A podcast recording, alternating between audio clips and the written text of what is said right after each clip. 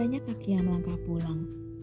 Setelah bergelut dengan sibuknya waktu, masih ada sedikit waktu untuk merebah dan mengasihi diri. Setibanya di rumah, tibalah waktu untuk meregangkan otot-otot yang kaku ini. Ingin tidur pun tetap harus memikirkan bagaimana esok. Hmm, kadangkala ingin rasanya tidur lebih lama. Namun apa daya, waktu berputar lebih cepat dari biasanya. Entah sudah berapa juta kali kita mengulang hal yang sama. Entah keberapa kalinya kita bersyukur dengan apa yang kita lalui.